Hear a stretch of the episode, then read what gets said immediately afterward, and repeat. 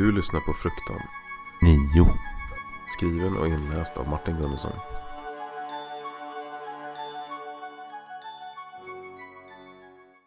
Den breda ängen sluttar ner mot sjön.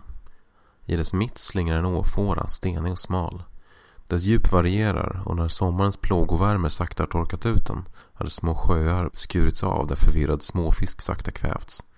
Ängen själv var som en bred flod med banker prydda av tjock lövskog. Under sommarlovet hade sluttningen varit full av picknickande familjer och springande småbarn. Närvaron av för många vuxna hade hållit tonåringarna borta. Nu sa kalendern att hösten stod för dörren och skolan hade börjat igen. Men solen stekte ännu lika obarmhärtigt. 15 meter från vattnet står ett enda träd som framskjutet framför de andra. En ek, grov och grå av oskattbar ålder som vakar över dalen från en upphöjning. Trädet minns hur det var att stå på en udd i det eviga havet. Barken är så grå för att dess djupa rötter en gång slogs i saltmättad jord. Hennes ord släpar sig fram på det sättet som gör att varje föreläsning till en kamp mellan dröm och vakenhet. Nu har rösten också en nästan sakral ton. Vad pratar hon om nu då? Att hon snackar skit för att kolla om vi är vakna. Egon höjer rösten. Fröken, det är väl typ två mil till havet härifrån?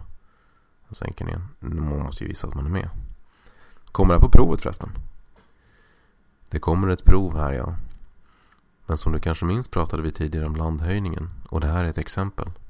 Sjön här nere var en havsvik en gång. Riktigt långt tillbaka var allt detta en del av det stora salta havet. Sedan blev det bräckt innanhav och till slut en liten sjö.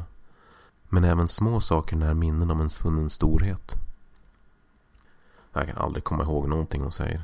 Det är helt blankt i huvudet så snart jag lämnar klassrummet. Postseminarisk förgätenhet. Ett lustigt fenomen som inträffar då och då på vår skola. Den enda konstanten mellan fallen tycks vara du. Ha ha. Som längtar så mycket efter att få mingla med andra som låter som universitetsfjantar kanske du borde se till att du lever länge nog för att börja där. Det kanske beror på att din hjärna förvirras av mer än hennes ord. Hon är lite eljest, den där. Hon ser inte ut som en historielärare direkt. Det Beror på att hon är tjej. Tjejer ser annorlunda ut än killar, förstår du. Åh fan, där har du läst din bok antar jag. Nej, något annat. Här har människor vandrat så länge det funnits land att vandra på. Landet har sjunkit i havet, kuvats under isen och stigit på nytt för att gång efter annan. Och människor har följt det. Så länge det har funnits land att vandra på har de kommit till denna plats för att blicka utåt, för att färdas iväg, sökande sina öden. Ett öde önskar sig just nu vore en paus i skuggan. Det är fan 30 grader varmt fortfarande. Varför envisas hon med att ta oss på utflykt egentligen? Tror hon vi går på lågstadiet? Det vore inte så dumt i och för sig. Då skulle vi få saft och bulle snart. Visst. Och sen gå på led i par och hålla handen efter bussen hemma. Vissa skulle gilla det mer än andra. Sätt dig nu i ekens skugga. Vila en stund och tänk på alla generationer som suttit där förut. Se er omkring. Se havet och känn saltet i luften. Hör de gälla skrien och vågornas viskande dån. Klassen sprider ut sig i det väldiga trädets skugga. 18 unga kroppar dunsar i marken som förväxta ekollon. Inte ens här under har gräset hållit sig grönt. Men marken är åtminstone lite mjukare. Egon sätter sig med ryggen mot stammen men flyger genast upp igen. Ah, fan! Sådär rädd för en ekorre. Du borde söka hjälp för det där också. Den där jävla råttan var precis vid örat. Jag såg den inte först. Jag är inte säker på att han tänkte hugga mig. Låter i och för sig inte helt orimligt. De har börjat samla nötter inför vintern. Haha. Egon ser sur ut när han sätter sig igen. Tittar efter den ludna svansen som försvinner upp i lövverket. Du får se upp.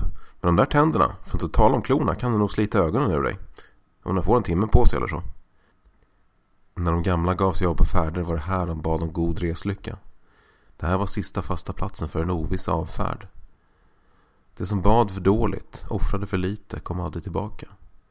Hit kom också de som saknade dem som följt valarnas väg till djupet. Trädet har hört all världens klagan och önskningar. Det låter tröttsamt. Inte konstigt att det inte finns några gudar kvar längre. De måste tröttnat på att höra allt gnäll. Gudarna har alltid lyssnat vid trädet, till den som talade väl. De lär bli döva till slut. Eller folket mindre vältaligt. Det rasslar till på trädstammen igen och ekorren pilar ner mot marken. Där! Egon kastar sig på ett hål vid stammens fot för att fånga gnagaren. Men den är för snabb. Han sticker in handen efter den. Du, de kan faktiskt bli...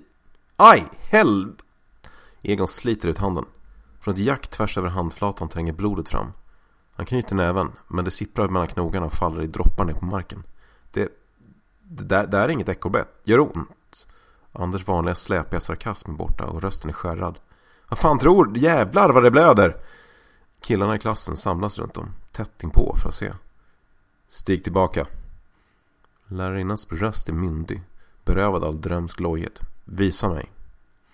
Hon tar ett fast tag i Egons arm. Försiktigt vecklar hon ut hans fingrar en liten bit. Blodet bubblar genast upp. Ah, fan det svider! Hon tar av sjalen hon haft knuten runt halsen. Öppna och låt mig binda dig. Ditt blod ska inte spillas i onödan. Hennes blick får Egon att trotsa instinkten och lyda. Hon lägger det brandröda tyget runt handen och drar åt. Stilla nu. Håll handen högt, över era huvuden. Vad fan, det är ett gammalt knivblad. Från hålet vid roten har Anders fiskat ett långsmalt böjt knivblad täckt av rost och en strimma av Egons blod. Du lär få stelkramp. Få se. Egon greppar efter kniven. Försiktigt, äggen är skitvass. Men Egon lyssnar inte. Han vrider bryskt bladet ur Anders händer.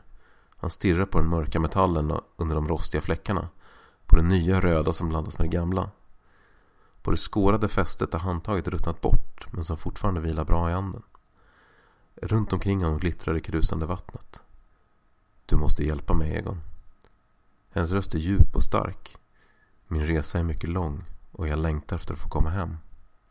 Hon är längre och smalare än hon minns honom som om hon för första gången rest sig till sin fulla höjd. De som alltid har varit här lyssnar nu till den som har modet att tala. Till den som vet att ge för att få. Vågorna brusar höger omkring dem i den saltstänkta vinden. Det är så mycket jag behöver, Egon. Så mycket hjälp. Visst vill du hjälpa mig? Hennes röst är som en viskning i hans huvud. Talet är nio. Nio av hankön hängda i eken. Nio i rötterna med smak för salt. Nio törstar att släcka. Nio röster som ropar att de gamla må lyssna. De är bara åtta pojkarna i klassen. Nio ögon. Det måste vara nio.